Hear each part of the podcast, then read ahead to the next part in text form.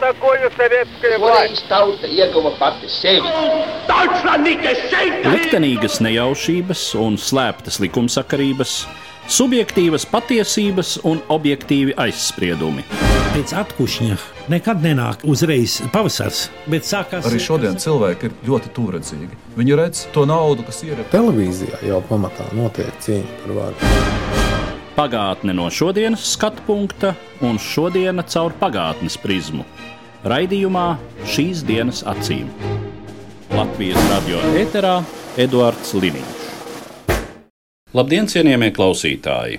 Šodien mēs turpinām tēmu Notikumi Latvijā 1940. gadā. Un šodien mēs aplūkosim to, kā tad izmaiņas izjuta Latvijas iedzīvotāji, kādas pārmaiņas viņus pirmām kārtām skāra, kā notika Latvijas dzīves pārēja uz pavisam citām, līdz tam nebijušām sociālo, ekonomisko, politisko attiecību sliedēm. Mani sarunas biedri studijā šodien Latvijas Zinātņu akadēmijas pētnieki Irēna Šneidere un Artūrs Žvinklis. Labdien! Labdien! Labdien. Laiks, kas ir ieguvis tādu tēlainu apzīmējumu, baigais gads. Bet, protams, ka šī laika pārmaiņas neskāra visus vienādi. Šīs pārmaiņas arī bija ar zināmu pakāpenību. Šodien es tiešām gribētu ieskicēt to, kā tad eh, pirmām kārtām ikdienas cilvēks Latvijā izjūta šo pārēju. Mūsdienās mēs varam konstatēt un fiksēt to, kā mainās preses izdevumu tonis, kā mainās tematika, kā vispār šie preses izdevumi kā tādi mainās. Sāk, teiksim, iznākt uh, laikraksts cīņa, un beidz iznākt uh, jaunākās ziņas. Atpūtā parādās pavisam citādi materiāli nekā līdz tam, un tā tālāk. Un tā tālāk. Bet um, pirmām kārtām par to, kā jaunā vara pārkārtoja ekonomiskās attiecības. Jūs pilnīgi pareizi savos ievadvārdos pieminējāt vārdu pakāpeniski. Un ja mēs runājam par ikdienas dzīvi un tādu vienkāršu Latvijas iedzīvotāju 1940. gada jūnija nogalē jūlijā, tad es teiktu, ka jaunā vara bija pietiekoši viltīga, lai krasi un uzreiz nemainītu dzīvi, nemainītu ne valsts iekārtu, tāpēc, ka turpināja pastāvēt visas valsts iestādes, kas darbojās Latvijas republikā, bet tas pagrieziens notika pakāpeniski. Pirmkārt, finanses un uzreiz jau jūlijas sākumā bija pieņemti Latvijas Republikas ministru kabineta lēmumi par to, ka ir aizliegts izņemt no bankas vispirms vairāk pa 100 latiem, vēlāk šī summa tika reducēta uz 50 latiem. Tad, izjūtot, ka pakāpeniski mainās varas un iedzīvotāju attiecības. Cilvēki sāk drudžaini izpirkt visu, kas ir veikalos, jo skatlogos ar vien vairāk jau jūlijā, it īpaši augustā, parādās preces no Padomju Savienības. Turklāt veikalu īpašniekiem tika doti norādījumi speciāli uzrādīt, ka tās ir preces no Padomju Savienības. Un cilvēki, kuri gāja veikalos, tādi īpašnieki viņam teica, priekšā pērciet, jo vairāk jūs tādu vilnu, pieņemsim, vai kādu drēbi vienkārši nevarēsiet nopirkt, jo mūsu sagādnieki no rietumiem ir slēgti. Un šī tāda panika iedzīvotāju vidū pastiprinājās 1940. gada 21. jūlijā. Konkrēts datums. Ja mēs atceramies, tad Tautas saima jau ievēlēta pieņēma deklarāciju par valsts varas maiņu Latvijā. Tanī vakarā Nacionālā operā notika svinīgs koncerts. Un kā raksta Vikins Latkovskis, Lāča vietnieks Lācis tolaik bija iekšlietu ministrs, savā dienas grāmatā viņam koncerta laikā pienāca steidzīgas ziņas par to, ka veikalos tiek izpirkts viss iespējamais. Viņš griezās ar to informāciju pie Lāča, un tad abi nosprieda, ka iedzīvotājiem pasēs ir jāliek zīmogi par to, kādas preces un kādā daudzumā ir nopirkts attiecīgs cilvēks. Administratīvais spiediens. To izjūta jau faktiski visi iedzīvotāji. Ja mēs runājam par tādu neatņemamu jaunās varas sastāvdaļu kā represijas, politiska rakstura represijas, sākās 21. jūnijā 1940. gadā līdz ar Kirchensteina valdības nodibināšanu. Pirmie upuri, ja tā var teikt, bija tie, kuri jau sēdēja cietumos, tā sakot, ulmaņa laikos. Tie bija pērkoņkrustieši, kurus pēc amnestijas likuma it kā vajadzētu atbrīvot no cietuma, jo tie bija politiskie ieslodzītie. Bet viņus neatbrīvoja. Un vēl dažādu krievu organizācijas um, locekļi, kuri bija arestēti jau 40. gadā, aprīlī, maijā. Bet viņi tika izlaisti, arestēti no jauna jūnija pēdējās dienās. Jūlijas tad seko politiskās represijas pret politisko eliti, bet līdzās tam ar to mēs sastopamies tad, kad veidojam pašlaik um, datu bāzi par politiskām represijām 1940. un 41. gadā, kā līdztekus politiskās elites pārstāvjiem tiek arestētas ļoti daudzas un dažādas sociālas grupas, es tā teiktu. Tie nebija jaunās varas ienaidnieki, tāpēc mums jāņem vērā, ka mēs varbūt gribētu citādāk, bet jaunā vara tika uztverta. Jā, piesardzīgi, jā, varbūt nogaidoši un noraidoši, bet eh, cilvēki vēroja, kas būs un kā būs. Jā, nesākās tūlītēja pretestība. Tā netika tūlīt uztverta kā okupācijas vara. Nu, teiksim, tā naidīgi mēs, pret, pret iedzīvotājiem vērsta vara. Jā, kā nu, mēs varētu iedomāties, nu, teiksim, pēc analoģijas, nu, kā piemēram Vācu karaspēku un Vācu iestādes varbūt uztvēra Francijā, Nīderlandē, Norvēģijā, kā Itāļu varas iestādes uztvēra Grieķijā. Te bija tāda nogaidošana, paskatīsimies un redzēsim, kas būs. Bet represijas eh, sekoja pret bijušiem policijas darbiniekiem, īpaši politiskās policijas darbiniekiem, pret uh, cietuma resora darbiniekiem, sabiedrisko organizāciju vadītājiem, es tā teiktu. Jā, nu, ja runājam par tieši par represijām, tad precīzi tieši par šo pašu pirmo, pirmo periodu no 1940. gada jūnija līdz augustam ir apzināts, ka kopējais arestēto skaits nu, šeit precizēts. Mums ir 466 personas konkrēti par uh, jūnija beigām līdz augustam 40. gadā. Un vislielākā arestēto grupa izrādās tieši uh, politiskās policijas darbinieki un vēl vairāk politiskās policijas aģenti. Tiek apcietināti 40 politiskās policijas štata darbinieki un 86 politiskās policijas aģenti vai ziņotāji.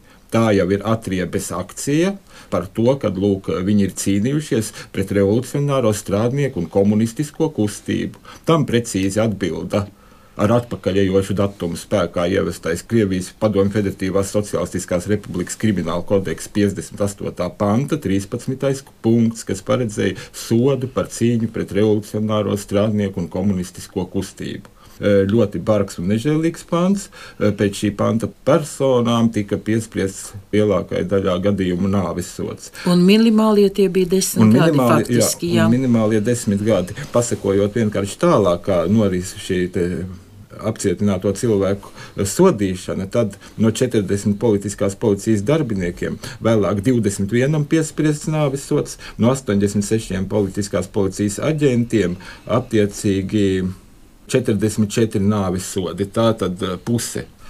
Ar politisko policiju vispār bija interesanti. Viņu pārņēma pakāpeniski. Politiskā policija it kā turpināja pēc nosaukuma funkcionēt Latvijas republikā jau sovietizācijas gaitā līdz Latvijas PSR izveidošanai. Eh, Vienkārši tur jau atradās uzticami kadri, kas kontrolēja un vadīja šīs iestādes darbu. Īpaši šajā ziņā nozīmīgas ir eh, Vikentija Latkovska atmiņas var teikt, tādas saudabīgas un ciniskas atmiņas ir atstājis Vikentijs Latkovskis gan par to, kā pirmajos arestos tika e, ļoti veiksmīgi izmantoti vecie politiskās policijas darbinieki, kā viņš teica, špiki, kas ļoti viņiem noderējuši, īpaši operācijā, kurā meklēja ģenerāli Krišjāni Berķi. Un arī apraksts savā ziņā Saudabīgs ir, kā tad notika šie aresti. Piebilstot, ka aresti parasti tika izdarīti agrā rīta stundā, neilgi pirms saules lēkta. Raksta Vikentijs Latkovskis savās šajās diezgan atklātajās atmiņās par šo uh, laika periodu. Vēl viena ļoti daudzskaitlīga grupa - tie ir aizsargi. Jo pat ja mēs analizējam apsūdzības rakstus, pati piederība aizsargu organizācijai bija pietiekoši, lai vismaz iedot cilvēkam piecus gadus PSRS koncentrācijas nometnēs. Bet sākās viss ar to, kad 7. jūlijā tika pieņemts un Ulmans parakstīja man šie 12. vai 13. jūlijā lēmumu par aizsargu organizācijas likvidāciju, un uzreiz tika pārņemti visi arhīvi. Tos arhīvus attiecīgi apstrādāja, un jau septembrī jauni izveidotajam Latvijas Padomju Sociālistiskās Republikas iekšlietu tautas komisariāta rīcībā bija pilni aizsarga organizācijas saraksti, ne tikai biedru, bet vadītāju attiecīgi, apriņķos, pagastos un tā tālāk. Un pakāpeniski sākās aizsargu organizācijas biedru aresti, un ja mēs paskatāmies uz 41. gada 14. jūnija deportāciju, tur bija ļoti daudz aizsargu organizācijas biedru. Piebilde par arhīvu materiāliem. Ja mēs tagad runājam par to, ka Man pat vienalga, vai Zetlers brauks uz Maskavu vai nebrauks uz Maskavu. Vēsturniekiem ir būtiski, vai tiks atvērti Maskavas arhīvi Latvijas pētniekiem. Kāpēc tas ir tik būtiski? Tāpēc, ka bez Maskavas arhīva dokumentiem. Jūs redziet, mēs nevaram atbildēt uz vairākiem jautājumiem. Mēs jau nodarbojamies ar 40. un 41. gada pētniecību. 20 gadus, var teikt. Un līdz šim laikam, redziet, mēs varam nosaukt minimālo skaitu, bet cik mēs nevaram pateikt. Mēs nevaram pateikt, cik lielā mērā tika mērķiecīgi celta mm, Kremļa politika attiecībā pret kopumā e, Baltijas e, valstīm un Latviju tajā skaitā. Tāpēc, ka tie atsevišķie dokumenti, kuri man izdevās atrast Maskavas arhīvos, liecina par to, ka pieņemsim 1940. gada vasaras norises Latvijā kontrolēja Andrejs Vešinskis, bet turpmākās norises jau vairāk ekonomikas jomā.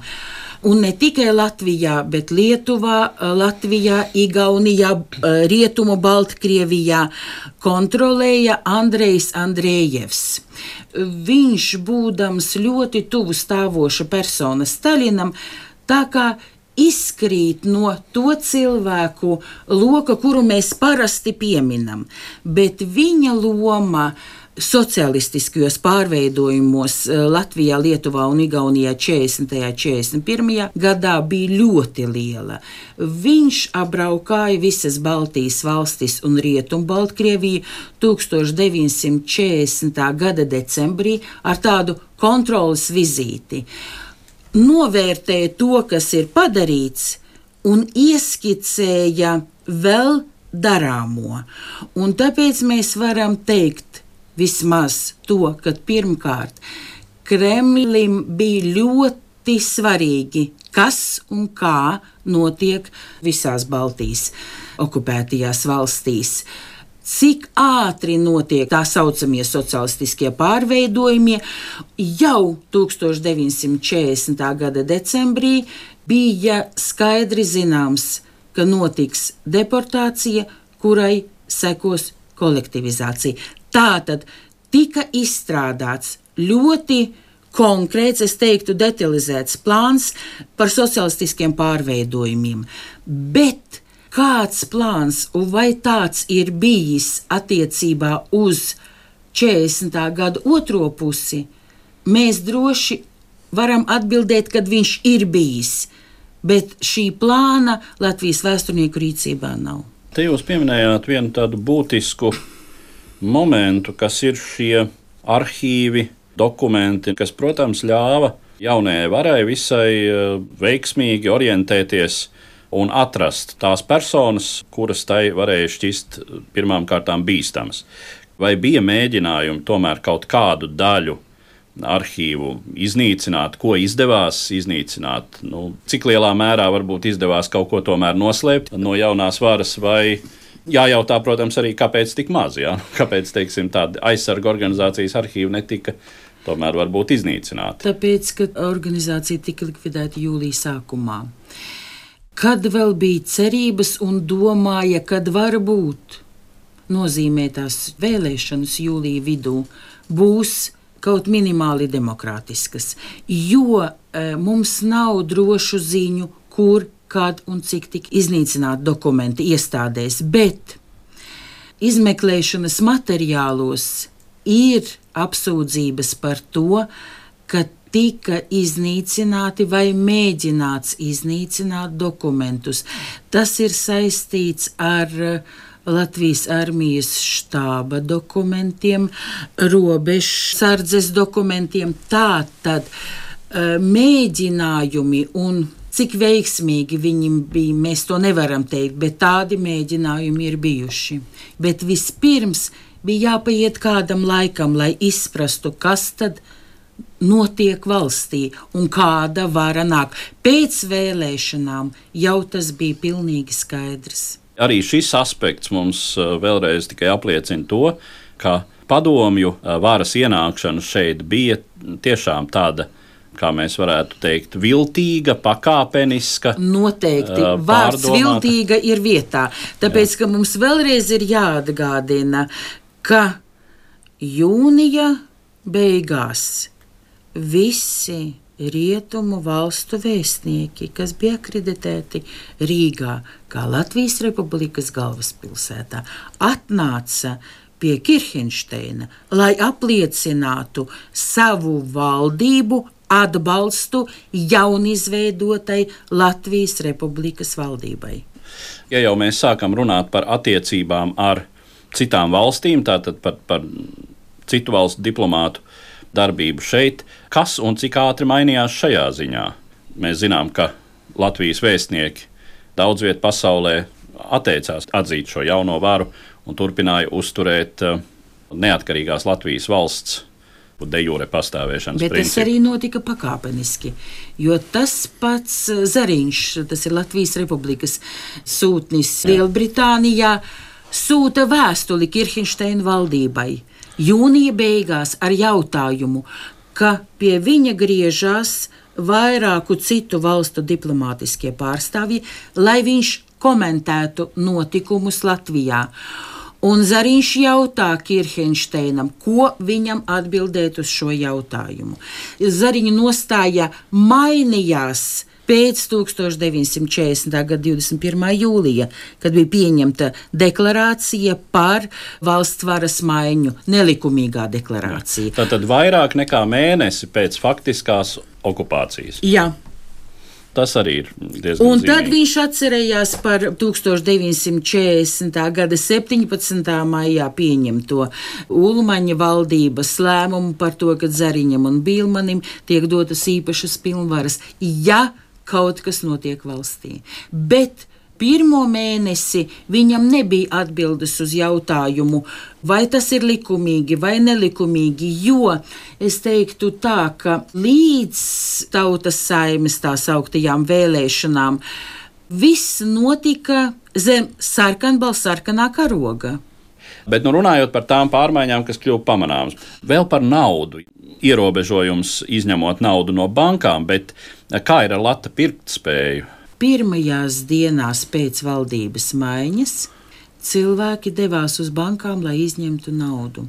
Un tad sanāk Latvijas bankas padome un nospriež, un šīs padomes sēdes protokolā mēs pirmo reizi attiecībā uz Latviju izlasījām vārdu okupācija.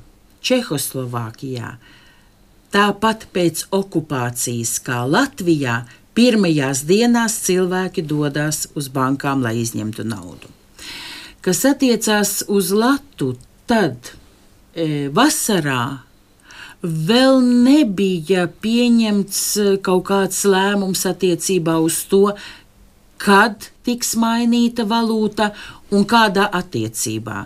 Lēmums tika pieņemts 1940. gada 25. oktobrī, un pusgadu laikā it kā abas divas valūtas, Krievijas rublis un Lats, varēja būt apgrozībā. Bet divi momenti.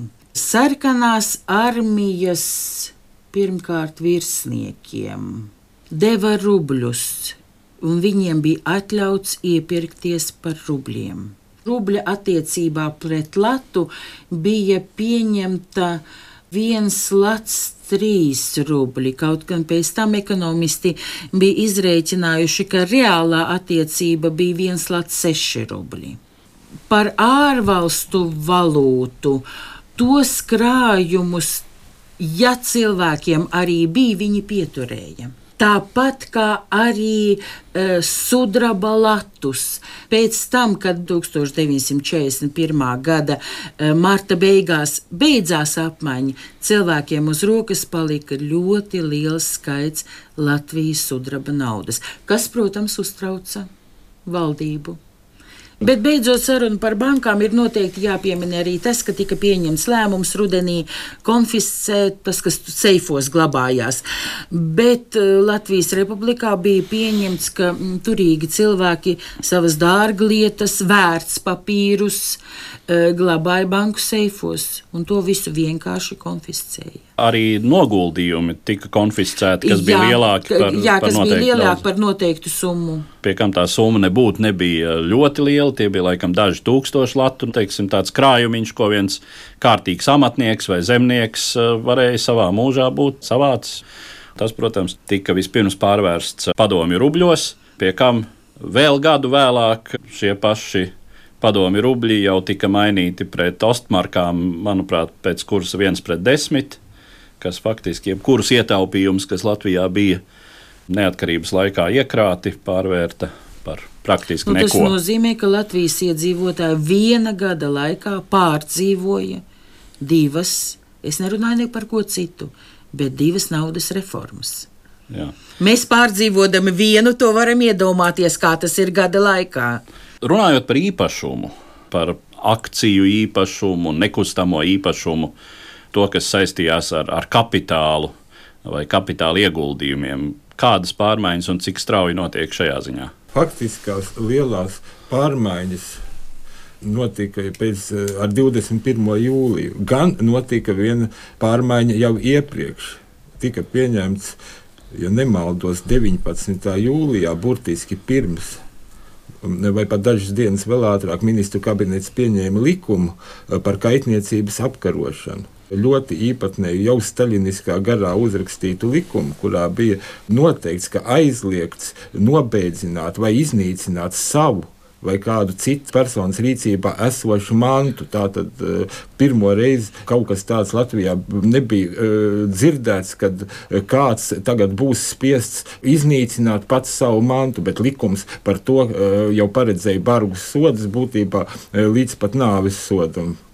Un, attiecīgi, 21. jūlijā sekoja Tālākā rīcība tās ir attiecīgi deklarācijas par lielo rūpniecības uzņēmumu nacionalizāciju, par zemes nacionalizāciju. Tātad eh, visa ražošanas līdzekļu nacionalizācija paziņot ar šīm deklarācijām, uz kuru pamata attiecīgi pēc tam ministru kabinets pieņēma eh, jau eh, likumus balstoties uz nu, šīm deklarācijām, un tas nozīmē tieši nacionalizāciju, atsavināšanu, atdošanu faktiski valsts īpašumā. Zemnieks kļuva par, tikai par zemes lietotāju šajā gadījumā, un nozīmē, ka īpašums kas it kā tika deklarēts par tautas īpašumu, faktiski ir padomju valsts īpašums.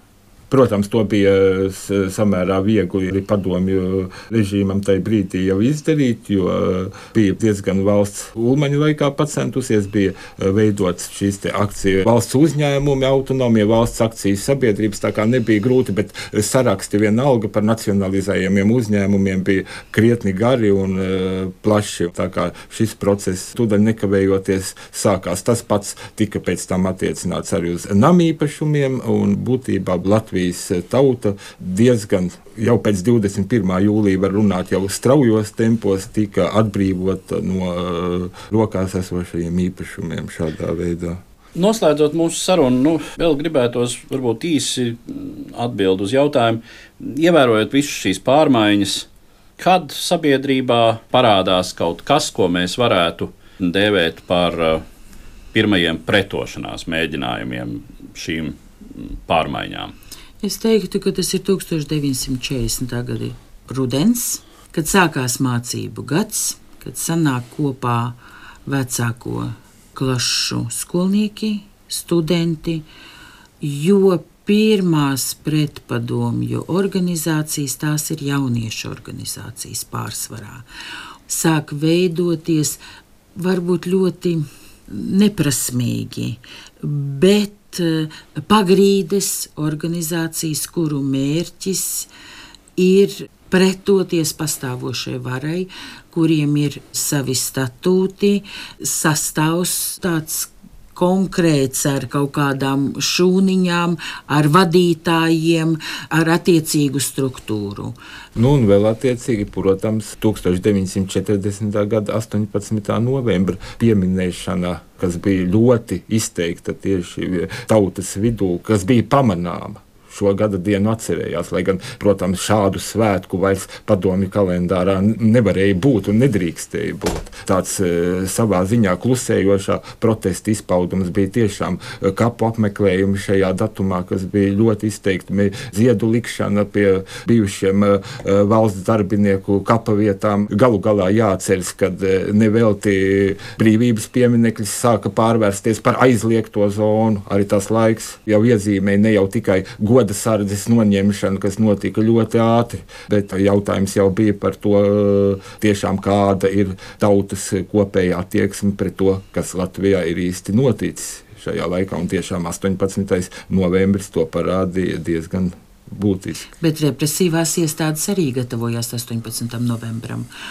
tika veikti preventīvie pasākumi, un pieņemsim, Jēlgavā lauksaimniecības akadēmijā tika arestēta jauniešu grupa, kura organizēta gatavojās braukt uz Rīgu un noliekt ziedus pie brīvības pieminekļa. Ar to es arī gribētu noslēgt mūsu sarunu, kas šoreiz bija veltīta notikumiem Latvijā un Latvijas ekonomiskās, sabiedriskās, politiskās dzīves pārmaiņām 1940. gada otrajā pusē. Un saku paldies maniem sarunas biedriem, Latvijas Zinātņu akadēmijas pētniekiem Irēnai Šneiderei un Arturam Žvinklim. Par pagātni sarunājas Eduards Līniņš.